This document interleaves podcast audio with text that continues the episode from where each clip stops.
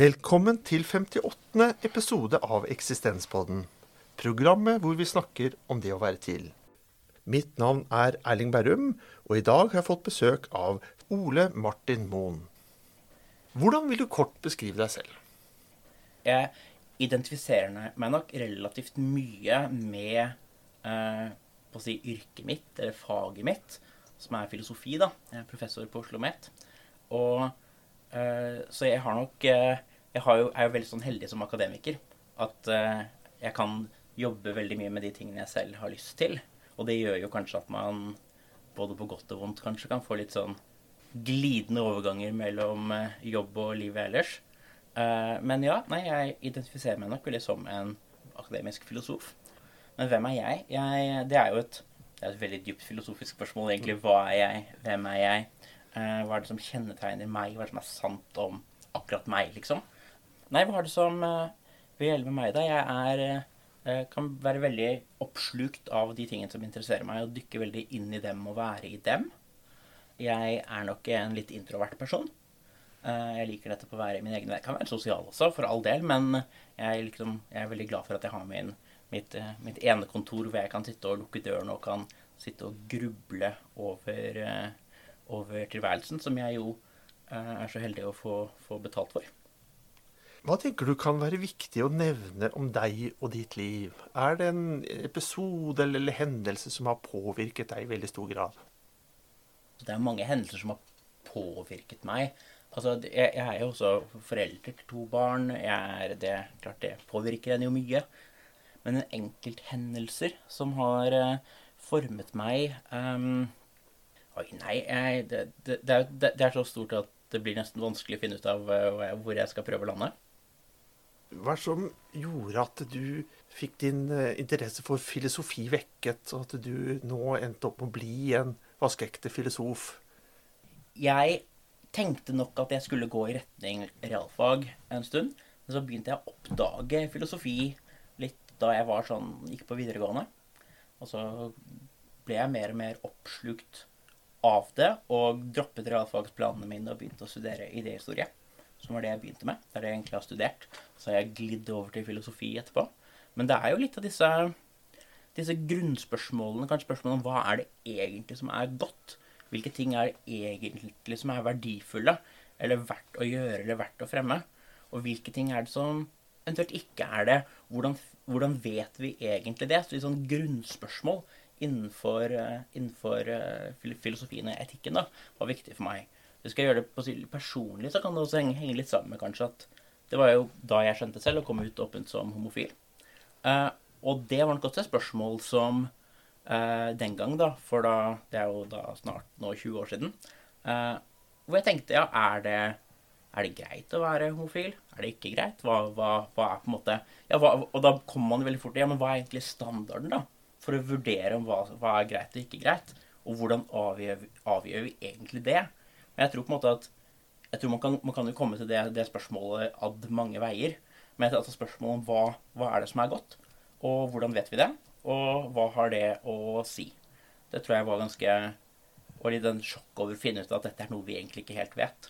Man går rundt som barn og tror at voksne har på en måte funnet svar på veldig mange spørsmål voksne vet jo de grunnleggende tingene, liksom. Så skjønner man etter hvert at de vet jo egentlig ikke det. Eh, det er jo ikke enighet. Eh, vi har ikke landet på noen enighet om den slags type spørsmål. Og det gjør at jeg kan føle et sånt sug i retning av at å, herregud, dette er jo Dette må man jo være oppe dag og natt for å prøve å finne ut av. Fordi hva som er godt, er jo helt avgjørende.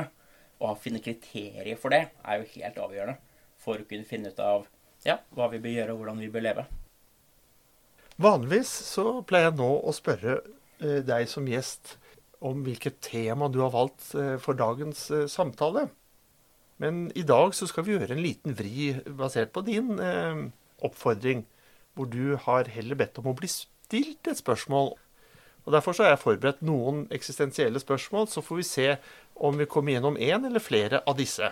Ja, er du klar? Det er jeg. Det første spørsmålet, det er hva handler eksistensiell angst om? Um, hva handler eksistensiell angst om? Altså, Angst handler jo om en vedvarende frykt. Når man skal spørre om hva eksistensiell angst er, så må man jo relatere det til hva angst som sådan er. Eh, og finne ut eventuelt hva den eksistensielle, hva som gjør det spesielt med den. Så en angst er en vedvarende frykt, eh, mens Og da kan man jo spørre seg litt, da, hvis en hva, er forskjellen på eksistensiell angst og si, generalisert angst? Eh, det vil jo antagelig være at mens begge er veldig generelle, eh, så vil den eksistensielle kanskje bare Det er angst knyttet til liksom livets grunnvilkår, da. Eh, den friheten vår, døden som kommer mot oss, hvordan ting er forgjengelige, eh, både mennesker og ting. Og når det gjelder disse grunnvilkårene ved tilværelsen, hva er det vi opplever da som vanskelig eh, eller utfordrende, og som utløser denne eksistensielle angsten? Det er, det er et psykologisk spørsmål, eh, mer kanskje enn et filosofisk. Men jeg kan jo, jeg kan jo eh, eh, tenke litt rundt det. Eh, på, det er jo at vi, vi må jo investere i si, vi, vi må verdsette oss selv og verdsette våre relasjoner. Samtidig som vi forstår at alt endrer seg. At vi selv en gang skal dø, at de rundt oss en gang skal dø. Og det å klare å være investert nok til at livet på en måte virkelig har fylden og eh, si, verdien som man kan få ut av det, og samtidig klare å overleve, da, og ikke bare bli totalt knust av savn og sorg idet ting endrer seg, eller noen dør, eller noe blir borte.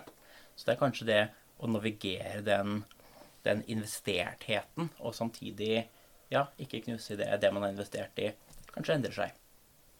Tenker du at eh, fortrengning vil være en kanskje viktig del for å kunne klare å navigere seg gjennom livets utfordringer, og også noen ganger disse vanskelighetene vi kan oppleve med tanke på de eksistensielle grunnvilkårene, og når de utfordres? Ja, kanskje. Det er jo det er, det er antageligvis Altså, én ting er å fortrenge, noe annet er kanskje å glemme.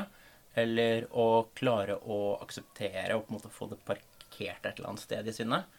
Fordi hvis man snakker med psykologer om dette, så vil de vel si at det å, det å fortrenge i forstående av å undertrykke noe, da, ofte vil komme tilbake og bite en senere. Eh, eller gjøre at man, det er store deler av en selv man, man ikke egentlig klarer å være ordentlig i kontakt med. Fordi man på en måte bare låser det av en, en del følelser eller en del, eh, en del tanker. Men det handler jo om å ikke tenke så mye på noe lenger, kanskje, da. Og klare å gå inn i, inn i noe nytt.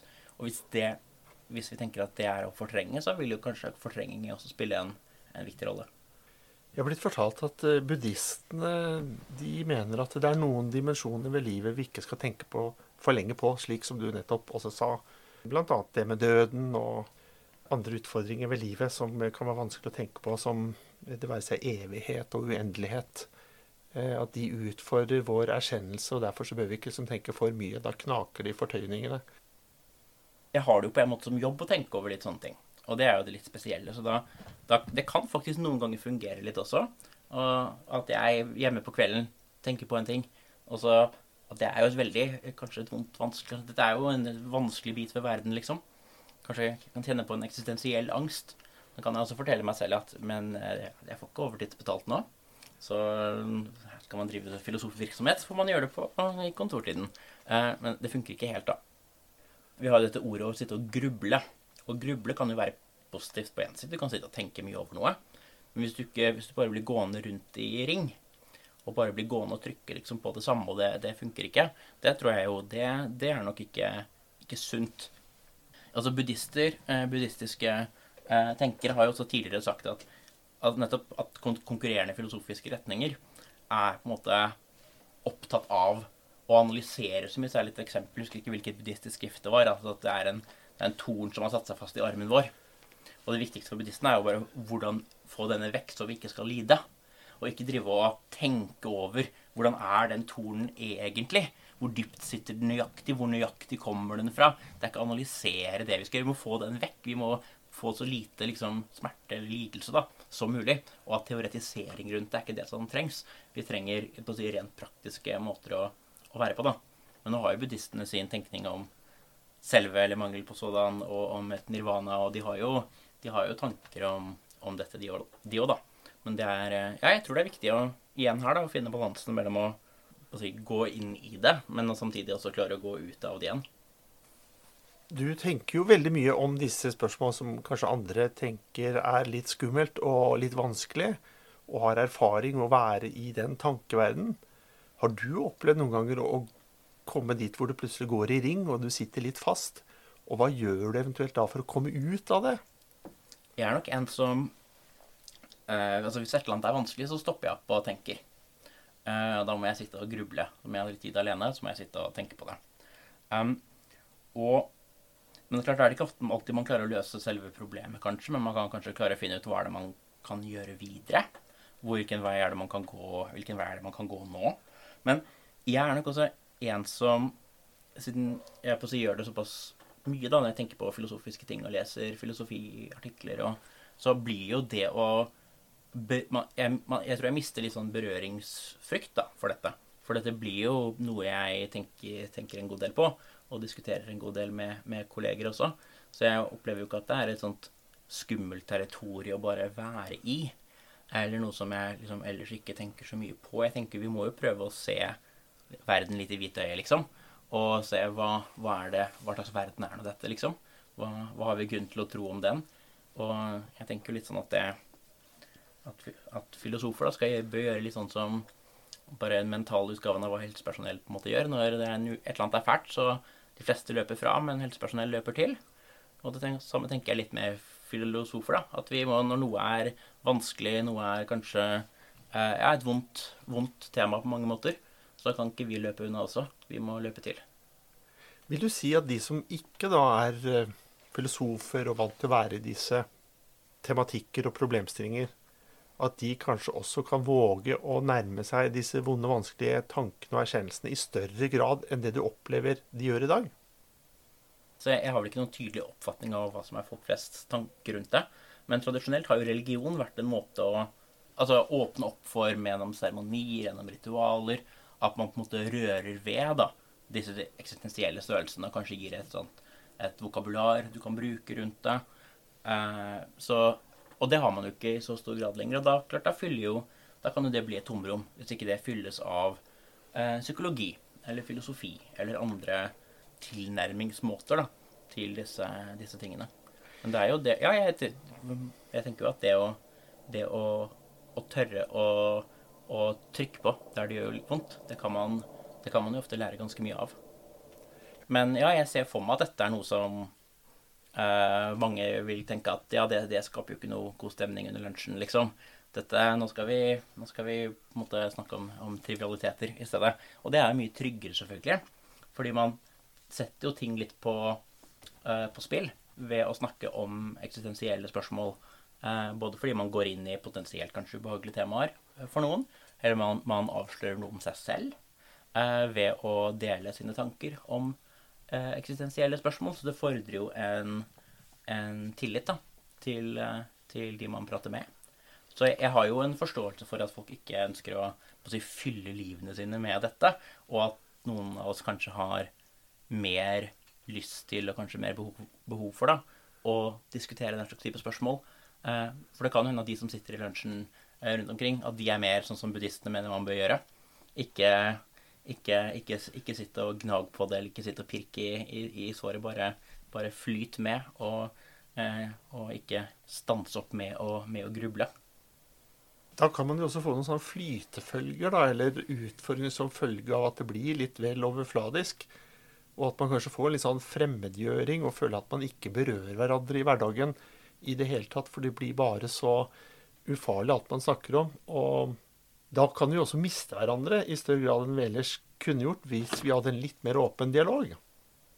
Det, det er jeg enig i, fordi det blir jo litt at man spiller en rolle, da. Eller man sier det som forventes, kanskje, og man, man, man prøver å unngå alt som kan skape et ubehag for den andre. og man, Det skaper jo en avstand, det også. Man blir jo aldri det. Kan man jo ha godt hatt en kollega som man har pratet med eh, bortimot hver dag i mange, mange år, uten å egentlig føle at man har nådd ordentlig inn til dem, eller kjenner dem ordentlig. Så det er jo definitivt eh, avstandsskapende. Men det er jo en, noe med det da, at det er en forskjell på en profesjonell relasjon og en personlig relasjon. da. Og jeg skjønner jo også at man i en profesjonell relasjon på å si, det, Man kan ha gode grunner til å ønske å holde en del avstand også. Må eksistensielle diskusjoner være personlige? Kan de også være litt mer generelle, at man også diskuterer de på samme måte som man også diskuterer politikk. Det er jo filosofiske diskusjoner, dette her, men Ja, veldig. Det er, filosofien handler jo om å prøve å diskutere det på eh, måter som ikke er personlige, men som eh, De er kanskje personlige på en måte, men de er ikke private. Altså, De handler jo om en selv også, men de handler ikke om detaljer fra ens eget liv. Men man deler jo da likevel litt av ens egne perspektiver da, og ens egne oppfatninger.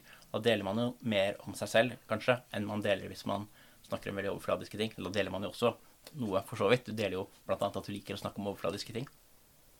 jeg tenker også om det er mulighet til å slippe i større grad filosofen fri hos folk flest. Jeg har tidligere undervist eh, barn og unge i forbindelse med det å filosofere. Ja, det er jeg. Og jeg opplever at eh, små barn og unge har veldig mye filosofi i seg. Og så opplevde jeg samtidig at de mistet noe av det etter hvert jo eldre de ble. Jeg vet ikke om det ble borte, eller om det ble bare liksom gjemt bort, eller at det var noe man sluttet å forholde seg til. Men at det ligger mer filosofi hos folk flest enn det kanskje er rom for, eller som vi åpner for i dag. Altså, barn er det jo helt veldig fint å snakke om filosofi med. Eh, De har jo Ja, det er så absolutt. Jeg frykter kanskje at Altså, én ting er bare en modningsprosess, da, der du etter hvert bare tar noe for gitt. Ting setter seg på en måte litt. Du, du, du er ikke villig til å stille spørsmål ved så mange ting lenger, kanskje, for du har investert veldig mye i det, f.eks. Så du lar en del ting være. Men, men jeg frykter kanskje også at skolen bidrar litt til dette, da, i og med at det skal man jo vise oppnåelse i henhold til kompetansemålene eh, i fagene. Og jeg tror veldig mye viktige diskusjoner og viktig undring starter jo ved å erkjenne selv og å dele at det er ting man ikke vet og ikke skjønner. Og her er det noe som jeg faktisk ikke har helt forståelse for.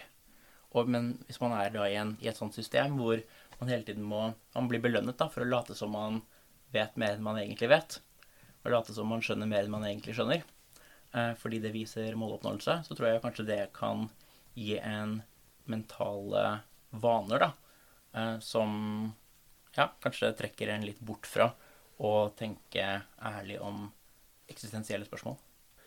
kan være med på å forklare hvorfor noen, er kanskje en god del også, eh, voksne slutter da å dele sin undring og sin tvil, og går over i et mye mer sånn bastant eh, kommunikasjonsmodus, nesten, hvor de er liksom veldig skråsikre og tenk, snakker fort, og derfor tenker veldig fort, istedenfor å gi mer rom for sin egen tvil og vetkehet, som jeg tror vi ville vinne på da, i vårt samvær med hverandre, og være mer åpne over det vi ikke vet, og det vi tviler på, for da tenker jeg vi også er mer til stede som mennesker og som sjeler. Ja, det er jeg, det er, jeg helt enig i. Så, eh, så ja, skolen er jo én ting, men politikken er jo en annen bit av det. Der er det, er man jo også, der er det også veldig mye skråsikkerhet. Og man sier at man vet at det er slik, og man vet eh, Det er veldig mange som kommer med påstander både om verdier og om, om fakta, og som er veldig skråsikre og veldig harde ord om hva ens, eh, hva ens motstander sier eller en gang har sagt. Eh, Så det er jo heller ikke en Jeg tenker på kanskje både skolen og politikken. Begge kanskje drar oss litt vekk fra å, skulle tenke ordentlig rundt dette. Så det, er, det blir veldig polarisert. Og man kan tenke selv, da, hvis man i sin familie skal liksom drøfte spørsmål hva er det vi skal gjøre, skal vi flytte eller skal vi ikke. Tenk, hvis den diskusjonen hadde fulgt liksom en sånn politisk mal, mal av en politisk debatt, så hadde du bare fått en sånne et par minutter fra den ene ytterkanten og et par minutter fra den andre ytterkanten om at det skal vi ikke gjøre, og klare å bruke det da til å ta en fellesavgjørelse. Det ville vært fullstendig dysfunksjonelt i en familie. Og det er jo litt sånn besnærende på en måte at det som hadde vært dysfunksjonelt der, er det som på samfunnsnivå faktisk eh, er normen av måten å diskutere, diskutere viktige spørsmål på. Så jeg tror både, både skolen og si, det politiske ordskiftet kan bidra til å skape et si, diskusjonsklima, da, hvor det er vanskelig å komme til de, den åpenheten og erkjennelsen av egen mangel på kunnskap eller mangel på forståelse. Si at dette skjønner jeg faktisk ikke, dette er faktisk veldig vanskelig. Fordi begge er litt arenaer hvor det er veldig mange som later som de vet og skjønner ting som de ikke egentlig vet og ikke egentlig skjønner. Kanskje det handler litt om, om ikke en eksistensiell angst, da, men en litt sånn kanskje en eksistensiell sosial angst, da, eh, som jeg tror en del har, hvor man er opplever kanskje at andre vet jo mye og skjønner mye, og det gjør de jo, gir det jo inntrykk av at de, at de gjør også. Det gjør vi jo kanskje alle.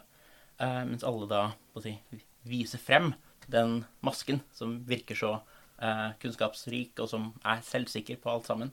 Eh, og hvis vi alle bare viser den masken til hverandre, men bak denne masken føler oss veldig usikre, så føler, fører jo det til en, en isolering som ikke egentlig hadde vært nødvendig. Vil du si at det også kan føre til en fremmedgjøring? Det jeg tenker med fremmedgjøring, er at du blir fremmed for deg selv også. For da vil du også bli eh, behandlet av andre og snakket med av andre som om du kanskje var annerledes enn hva du egentlig er. Så når andre snakker med deg, så føler du ikke at de egentlig når helt inn til deg, helt frem til deg. Fordi de, og det er en sånn fremmedgjøring som jeg, det er det jeg, slik jeg, jeg ville tenkt om fremmedgjøring. At du, En ting er at du føler deg ikke helt til pass, men du føler også at du ikke blir forstått eller ikke sett. Eller ja, at det er en sånn distanse der, da. Jeg tror absolutt det kan være en effekt av det, ja. Du sa tidligere dette med verdien av å se verden i hvitøyet, noe filosofer er gode på. Jeg burde i hvert fall prøve å være god på. Ja, Ja. og hva med om også andre enn filosofene sammen prøvde å se verden i hvitøyet? Ja, det, det, det, det hadde jo vært noe. Eh, og jeg, jeg tror man Jeg får en følelse av at folk gjør det når det skjer noe voldsomt i livet noen ganger. La oss si man er noen, et dødsfall, eksempel, eller noen har blitt født også da, eller et eller annet har hendt. En helsekrise hos noen. Så kan det liksom konfrontere en med ditt, disse sånn Ja, hva er det egentlig som betyr noe? Hva er det liksom hva, hva, er det vi, hva er det egentlig som er verdifullt her? Hva er det vi må verne om? Eh, hva er det vi må passe oss for? Men så ja, glir det bare litt, litt ut i, i sanden igjen. Men jeg tror at vi, det fine med, med filosofiske spørsmål og, og filosofi er at det krever jo ikke noen spesialkunnskap, egentlig. Ikke noen spesialempiri om et eller annet felt. Det er ikke noen eh, spesifikke måleinstrumenter man kan bruke for å måle filosofiske spørsmål. Man trenger ikke en stor, dyr maskin for å klare å regne ut ting eller veie ting eller blande ting. Altså man, det er et veldig, det er et veldig allment eh, spørsmål. Og et veldig sånt, det tror jeg også er noe av det som er grunnen til at eh, eldre filosofi også er veldig relevant per i dag, fordi vi stiller egentlig veldig likt med filosofer for, for, eh, for 1000 eller 2000 år siden, som også er konfrontert med denne verden vi lever i, da, og prøver å ja, redegjøre for deres tanker og refleksjoner rundt denne. Og mens vi på en del, innen en del fag leser Det er ikke så mange kjemikere i dag som får noe ut av å lese kjemi for, fra for 300 år siden. Men det er nettopp fordi man har kommet så fryktelig mye videre, mens filosofien handler jo om de store allmenne spørsmålene som vi ikke egentlig helt har funnet ut hvordan vi skal tenke om. Og idet vi har funnet ut av hvordan vi skal tenke om en ting, så blir det et spesielt, da, blir, da slutter det å være filosofi. Da blir det et separat fag. Som psykologi eller som økonomi eller ja, slike fag som har vokst ut av det. For å løfte fram tvil da, som eh, noe veldig verdifullt i vår erkjennelse. Ja. At det eneste vi ikke kan tvile på, det er tvilen selv. For den har sin egen eksistens, og som vi kan være helt sikre på. Ja, vi kan være sikre på at tvil finnes. Fordi hvis vi, vi tviler på det, så har vi erkjent at det finnes tvil. Så ja, det finnes tvil. Og ved å tvile så anerkjenner man jo at man ser grunner både for og imot noe. Eh, Enten etiske, da, eller bare sånn grunner som taler for at noe er sant eller usant. Så hvis du tviler, så står det jo Er det noe du klarer ikke helt å lande. Fordi noe tyder på den ene siden at vi bør gå dit, noe annet tyder på at vi bør gå dit. Så det å tvile er jo en anerkjennelse av at verden eh, ikke er så veldig lett å forstå, og å erkjenne også at det finnes ofte gode argumenter både for og imot et, et synspunkt.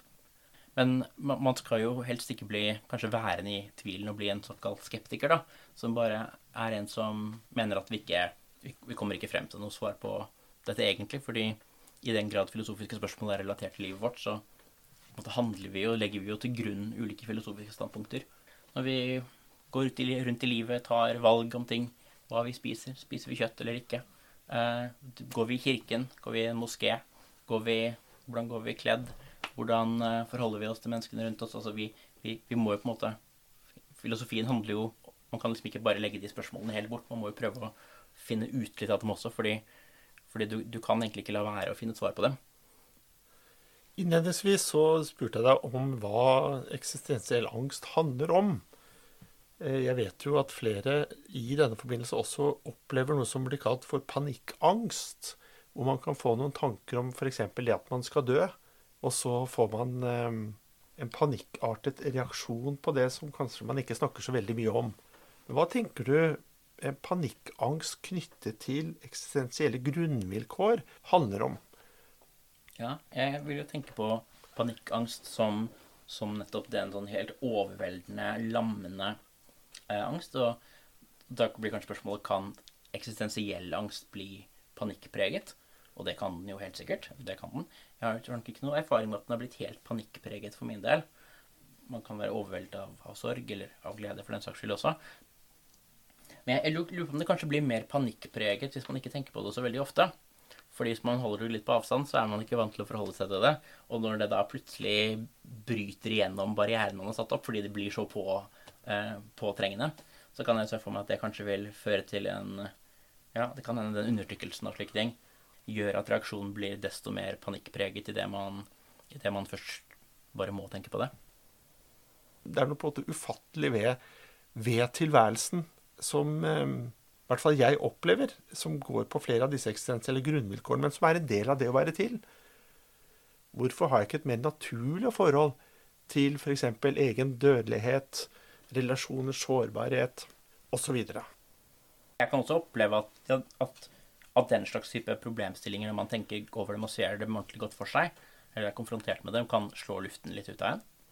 Men vi tenker jo, vi tenker jo veldig mye rart rundt, eh, rundt slike ting også.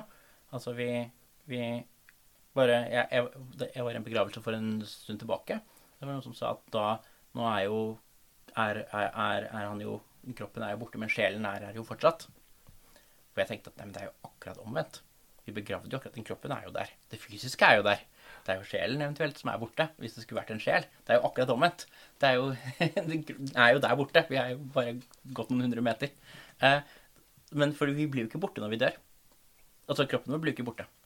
Den er, den, den er, jo der. Den vil jo etter hvert løse opp, men partiklene vil jo fortsette å være der. Men det er jo måten å fungere på som opphører. Men folk blir jo ikke egentlig borte fra verden. Det er bare at vi, vi fjerner dem jo med en gang. Eh, de, det er noe som Karl Ove Knausgård skriver om i, første bind av Min kamp også. Hvorfor er vi så opptatt av at de døde skal fjernes med en gang? På en måte være borte fra verden. Kunne det ikke bare bli liggende litt? Det hadde kanskje ikke vært noen skade, som han sier. Altså det, fordi vi blir jo faktisk ikke borte når vi dør. Vi, vi, ligger jo fortsatt der. Det er bare at vi, vi, vi, Det går ikke an å interagere med oss på samme måte som før. Eh, man svarer ikke. Man gjør ikke noe. Man, man, er ikke varm. Man blir kald. Man blir som bare naturen rundt den, som er ja, steiner og vegger. Altså allting som ikke lever, da. Man går jo på en måte tilbake til å være på den måten. Men man forsvinner jo. Altså ens, ens kropp forsvinner jo ikke. Ja, jeg skal jo fryses ned når jeg dør. Så jeg, jeg, skal, jeg, skal, fryses, så jeg blir ikke borte på den måten. Mm. Så der er jo der er jeg jo tatt et valg som sånn sett er eksistensielt kanskje litt eh, på siden av hva mange gjør. Men eh, jeg skal, skal, jo da det. Og det er en måte å prøve å ta tak i dette på, for jeg syns verken begravelse eller kremasjon, da, som er alternativene, virker så veldig fristende, egentlig. Eh, verken nedgraving eller brenning syns jeg virker veldig, veldig fristende. Hvorfor ikke bare prøve å stoppe det opp, så kanskje vi kan klare å stoppe, stoppe nedbrytingsprosessen. Men Har du inngått eh, konkret avtale med noen som kan tilby dette? Jeg har hørt ja, ja. om det i USA. Så det... Ja, det er i USA. Det, ja, ja, jeg har gjort det. Jeg har vært, hatt, hatt det, en avtale på det i mange år. Et lite interessant poeng der syns jeg er liksom, Kan man fryse ned liv? Ja, hvis du tenker på de som fryser ned befruktede egg. Og da er spørsmålet hva forteller det oss om verden? Og ikke minst hva forteller det også om Det er jo frysning, nedfrysning av biologisk materiale. Og det er jo det samme som man vil forsøke å gjøre med en hel kropp. da. Men det er vanskeligere når det er mye, for da, da kan du lettere få isdannelser. Men ja, liv kan sånn sett settes på vent. I hvert fall ved ved livets start. Eh, og da er det et spørsmål om man kan sette det på vent også, også, også, senere. Og ja, litt av grunnen til at jeg har valgt det, da er jo for det ene, jeg har jo ikke lyst til å dø. Så lenge livet mitt er fylt av goder, så vil ikke jeg, vil ikke jeg dø. Og det at man blir eldre, at det automatisk skal At når du har på en måte gått 90 runder rundt jorda, så da, da, da skal det være naturlig å dø. Det, det, går jeg ikke helt med på. Hvis man kunne vært ung og frisk lengre, så hadde det vært veldig bra. Og eh, jeg tenker jo litt sånn Vi snakket om ambulanser i stad. Eh, så er jo det en ambulanse gjør, er jo idet noen kanskje har fått hjertestans, er å få dem til et, et, et, område til å komme nærmere i rom, til et sted hvor de har bedre, bedre teknologi. Sykehus, f.eks. Mens noe av det man prøver ved å fryse seg ned, er jo å reise gjennom tid til et sted hvor de har bedre teknologi. Altså bedre teknologi enn vi har til stede noe sted på jorden per i dag. Eh, så det er jo et forsøk på å ta en ambulanse til fremtiden, da. Og bare stoppe det. Stoppe nedbrytingsprosessen her og nå. Men det, det henger jo sammen med at jeg jeg tenker at det naturlige ikke nødvendigvis er det gode. Og at ja, ting kan være kjempenaturlige og kjempeutbredt, og likevel kjempedårlige. Og eh, ja, vi, vi, vi Ja, så det, det, bygger på en ganske dyp eksistensiell ting, egentlig. Ikke en frykt for døden, egentlig. Jeg tror ikke, tror ikke det å være død er ille. Jeg tror det er sånn som tiden før vi ble født. Det er ikke noe ille å, være, ikke, å ikke finnes, men det er veldig fint å, å si, finnes som et bevisst vesen også. Jeg opplever jo at vi har en omgang med hverandre og en kommunikasjon med hverandre om liv og verden som om vi var evige vesener. Jeg opplever ikke at vi tar så veldig inn over oss i vår samhandling, da. Det at vi er dødelige vesener. Og døende vesener nesten også, da. Men jeg skjønner jo også litt at på en del områder så kan du jo tenke at du skal prøve å forbedre samfunnet på en eller annen måte. da Du skal prøve å ja, kjempe mot en eller annen urett. Så det å tenke at det å handle som om det var evig, kan jo gi mening også.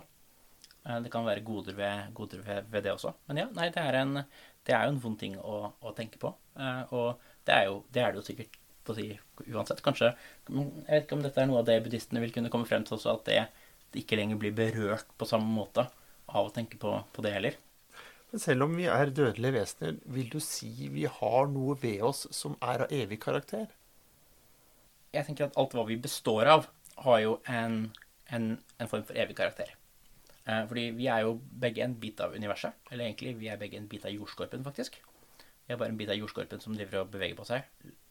Litt sånn som en sånn tektonisk plate, på en måte. Eh, så vi er jo begge en del av jorda. Eh, ikke bare at vi går på den, men vi er faktisk en del av den. Eh, og partiklene våre er der. Og når vi dør, så blir jo ikke jorda noe lettere. Den kommer til å veie det samme.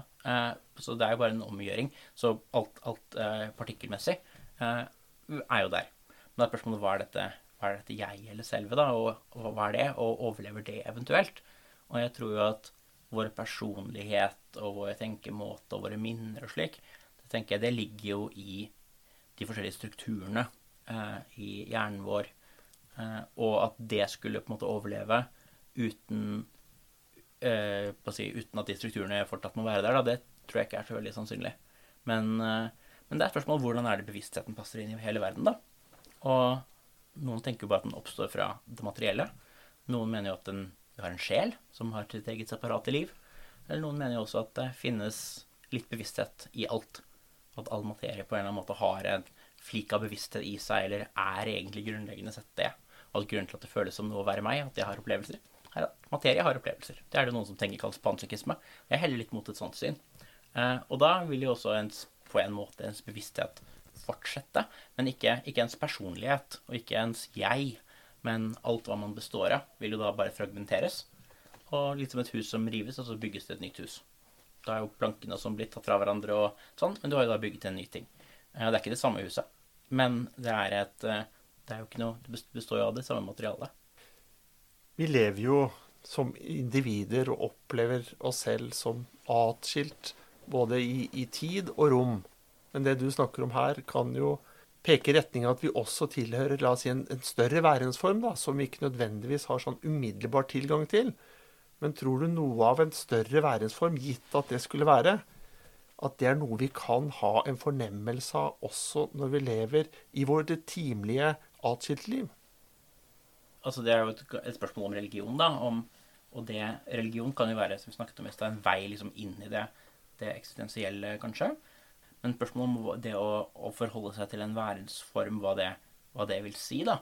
Men jeg tror ikke jeg forholder meg til en sånn større værensform sånn i det daglige, egentlig. Jeg tror ikke det finnes noen gud. Jeg tror i hvert fall ikke en, i en vanlig religiøs forstand av begrepet Gud.